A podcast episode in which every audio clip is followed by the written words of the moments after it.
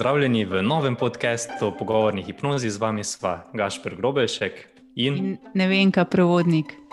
In so vesela, da sva z vami in deliva te skrivnosti pogovorov, v upanju, da se bomo lažje pogovarjali in boljše razumeli. Tako je. In današnja tema uh, je v bistvu, kako ustvariti hipnotični kontekst v pogovoru, ki je zelo, zelo pomemben. Uh, ja, ja. Točno, ja, točno. Če, kaj, če je kaj pomembno pri samem pogovoru, oziroma pri hipnotičnem pogovoru, je to hipnotični kontekst, oziroma boljše rečeno, pogovorni kontekst. Kaj mislim s tem? Oziroma, najboljše, da, da se lotimo tega za prispodobo, kaj praviš. Zdaj, re, ja. Ja, recimo, recimo, predstavljajte si, da se sprehajate po ulici in gledate ljudi okrog sebe, vidite stavbe, avtomobili grejo mimo, in potem pridete do enega neznanca in ga klofnete po glavi, špuknete, zmerjate. Um, govorite čez njegovo družino, čez njega in enostavno ga maltretirate na vse možne in ne možne načine, na koncu, po vsem tem, pa mu ponudite roko in mu rečete, da si želite, da bi bil vaš prijatelj. Kaj mislite, da se bo zgodilo? Hmm. Se sliši tako, kot da bi eh, da vse, prej gre vse na robe, pol si pa en želi pogovora z nekom. Ja, ja, prej, točno, prej ja. pa naredi vse na robe. Prej pa vse na robe. Ja, ja. tak, tak, tak, Zelo malo verjetno je, da bi ta nekdo želel postati vaš prijatelj, potem, ko se je vse to zgodilo. Oziroma, tudi tako zdaj, ko razmišljam, tudi če bi to naredil kdo z prijateljem, je zelo verjetno, da bi izgubil njegovo prijateljstvo. Ali pa bi si vsaj ta mislil, opa, čakaj malo, mi dva sva prijatelja ali kaj, tako bi postavil pod dvom ta njun odnos. Ampak vprašanje, zakaj, če je bila pa ta tehnika rokovanja tako popolna, tako dobra, če obvladate to rokovanje, date roko pod pravim kotom, znate jo stisniti na pravi način, pogledate v oči, ko podate roko. Tehnika je izvedena perfektno. Zakaj torej ta nekdo ne želi postati vaš prijatelj? Ja, ker vse to, kar se je zgodilo prej, ni bilo v redu. In vse to, kar se zgodi, preden začnemo nek pogovor, uh, temu rečemo nek kontekst pogovorni. Ja, in ja. lahko pravzaprav ustvarjamo v pogovorih hipnotične kontekste, v katerih ja. potem nastanejo čudoviti pogovori. Ampak v tem primeru se je zgodil kaj? Hm. Ja, v tem primeru kontekst ni bil ravno pravi, ni bil ravno prijateljski, kar pomeni, da seveda je, je ta neznanec raj verjetno 99% odšel, kot bi pa nam podal roko. In kar, kar sem želel povedati s to metaforo, je pravzaprav to, da če ni pravi kontekst, nam še ne vem, kako dobra tehnika ne more pomagati. Prav kontekst pravzaprav ustvarja dobro tehniko. In dober kontekst je bolj pomemben kot sama tehnika, in pravzaprav lahko tudi izboljša um, primankljaje, ki jih imamo pri neki tehniki. To se pravi, da če tudi nečesa tehnično ne obvladamo zelo dobro, lahko z dobrim kontekstom vse to nadoknadimo. Zato je to tako pomembno, zato se mi zdi fajn, da danes govorimo prav o tem hipnotičnem kontekstu. Kako ga ustvariti, kako ustvariti eno tako podlago za pogovore, da bodo ti čim bolj naravno, čim boljše stekli ne glede na to, kako dobro smo tehnično podkovani. Ker, ja, ja, v bistvu, kako naš um usmeriti uh, na ta pravo čustva, na ta prave uh, misli, uh, na, na pravo vedenje, izražanje vsega tega. To v bistvu naredimo s tem kontekstom pred, pred uh, pogovorom. Uh, ja, ja, ja. Uh, ker naše nezavedno se odziva že mnogo prej, preden se mi zavedamo, in uh, s tem uh, v bistvu um, usmerimo um na pravo pot, ki jo ja, bo potem ja, ja, uh, pogovor ja. Uh, ja. uh, nadaljeval. Ja. Ja. In zdaj bistveno vprašanje, verjetno, ki se pojavi tukaj, je, kako narediti dober kontekst, da bodo, naš, da bodo naši pogovori kar najbolj učinkoviti, oziroma rečemo temu tako hipnotični. Tako je. je tak. Ja. In uh, mi dva imamo eh, zelo eno, eno dobro formulo, ki, ki to zelo poenostavlja. In, uh -huh. uh, in v bistvu, uh, če poznate to formulo, lahko uh, ustvarite hipnotični kontekst kjerkoli, kadarkoli. Uh, -huh. Točno. In je zelo uporabna. Ja. Prvi del formule se imenuje pas. Ja, pas stoji za osnovo vsake hipnoze, vsakega hipnotičnega procesa. Kadarkoli delamo hipnozo, ne moremo mimo tega, da upoštevamo formulo pas. Če formula pas ni upoštevana, ne more iti za hipnotičen proces. Pa je to v pogovoru ali pa kjerkoli drugje v klasični hipnozi. Kaj torej je pas? Pas. P pomeni pozornost. Najprej če želimo ustvarjati hipnotični kontekst ali pa sploh začeti, moramo pridobiti pozornost od nekoga. Brez pozornosti je oseba nekje drugje, njegov um je nekje drugje. Tako da Točno. prva stvar, ki jo moramo narediti, pri, pri uh, vabiti pozornost oziroma jo ujeti ja, na nek ja, način. Ja, ja, točno. Ujeti pozornost sogovornika, tako da je njegova pozornost na nas, ki ga želimo pogovorno hipnotizirati.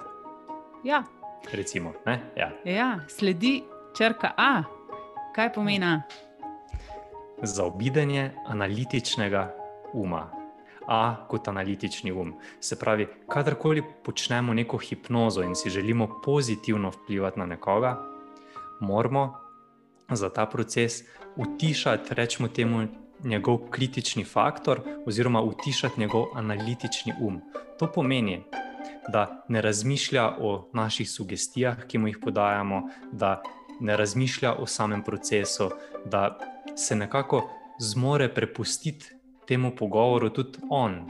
Da, ni, da, nima, da nima pred seboj polno nekih obramb, ki bi ga ovirale pri tem, da sprejme najboljšo odločitev za sebe.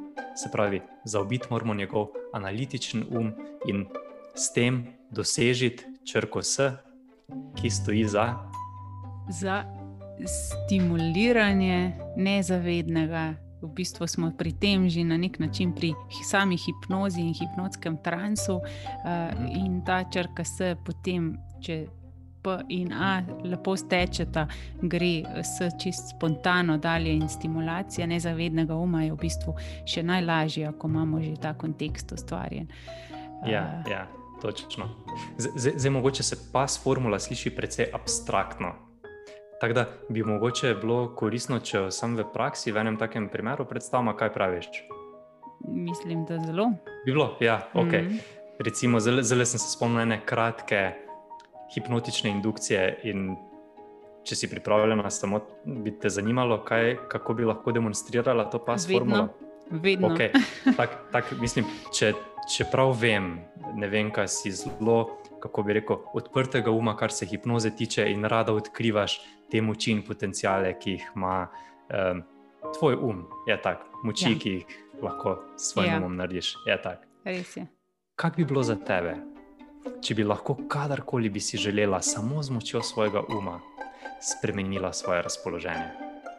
Bi te to zanimalo? Čudovito. Čudovito. Zakaj? Ker bi se lahko vedno počutila super dobro. Točno. Sam mal time avta. Ste videli, kako sem z preprostimi vprašanji pridobil njeno pozornost, oziroma, oziroma tvojo pozornost, si videla, kako si postala, ker aha, ok, nekaj ima, kar mene zanima. Ja, ja.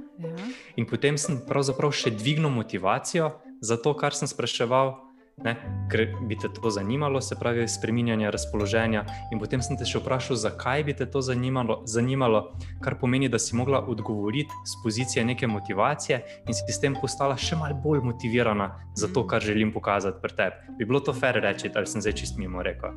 Ne, čist fair. Ja, tako. Mhm. Okay. In s tem, ko se je tvoja motivacija dvigovala in to tvoje zanimanje se je dvigovalo, to tvoje navdušenje se je pravzaprav jačalo na tem, kar hočem pokazati, se tvoj kritični faktor, tvoj analitični um, se je tišal, ker je to navdušenje. Odkje izhajajo čustva? čustva so jezik podzavesti. In če mi ojačamo, krepimo ta pozitivna čustva, ta pozitivna pričakovanja, ki so jezik podzavesti, in ta čustva postanejo dost močna, ne bomo mogli več racionalno, oziroma ne bomo mogli več zelo analitično o tem razmišljati, ker nas bodo čustva enostavno preplavila. In to je to navdušenje. In zdaj stimulacija podzavesti, si pripravljena? Ja. Okay. To bo zdaj zelo na hiter, samo to, da demonstriramo. Okay. Samo malo zapri oči. Tak, ja. Zapri oči in si pred seboj samo naslikaj svoj obraz. Svoj obraz, kakršnim koli izrazom že. In ko ga vidiš, mi samo pokimaj. Odlično. In sedaj spremeni podobo svojega obraza na način, da na svoj obraz, ki ga opazuješ, narišeš velik, bleščeč nasmeh. Velik, bleščeč nasmeh, od ušesa do ušesa, in ko opazuješ ta svoj obraz s tem svojim nasmehom, samo pazi, kako se tudi tvoja usta želijo razleziti na smeh. Tako je, odlično. In ko začutiš to veselje, to zadovoljstvo, in spoznaš pravo lekcijo, ki se skriva za to demonstracijo. Enostavno odpri oči in prid nazaj, da je prostor tukaj in zdaj. Ok, čudovito. Super. Zelo na kratko, kako je bilo to? Fajn. Eto. In smo na nek način stimulirali še tvojo podzavest z tem spreminjanjem počutja. Ja, res je. Zelo hiter. Zelo hiter. Ja. Kako se zdaj počutiš? Ja, kar malo bolj uh, veselo. Kar malo veselo, ok ja. veseli, odlično. Mm. Torej, pas formula v akciji je bila tole v smislu um, klasične, oziroma tako polklasične hipnoze. Ampak mislim, ja, ja. Ja, ja. Ampak mislim, da si ni tako težko predstavljati, kako jo potem uporabiti v kakšnem pogovoru. Maš, se spomniš kakšnega dobrega primera? Hm, zdaj sem se bolj spomnila na to, da mogoče bi razložila, da v bistvu pogovorna hipnoza lahko poteka na več načinov. Lahko Aha, jo okay. kombiniramo z klasično, eh, ja, lahko ja, je pa ja. čist prikrita in navzven zgleda kot čist, čisto navaden pogovor. Uh, in ja, ja. v bistvu takrat gre pa res za ta pogovorni trans, ki ga prepoznamo na, na ja. sogovorniku. Uh, ja, ja, ja. Določenimi uh, uh, ima svoje specifike. No? Uh, ja, ja, ja, točno. Uh, tako, razmišljam pa, da bi naslednjič mogoče govorila še o drugem delu formule. Ta drugi del je posebej zanimiv. Je to je, kako se imenuje? NPS. Poimenovala sva ga NPS, NPS formula. Zakaj stoji ta NPS? Razkrijava naslednjič ali že danes poveva, kaj misliš? Jaz mislim, da naslednjič ker sicer bo podcast predolg. ja, točno, mora ostati, v, bi rekel, mora ostati ravno prav dolg, da ohranja poz, z, um, pozornost poslušalca. Tako točno. da, lep pozdrav vsem uh, poslušalcem uh, in se slišimo naslednjič. Lep pozdrav, Dija. Ja.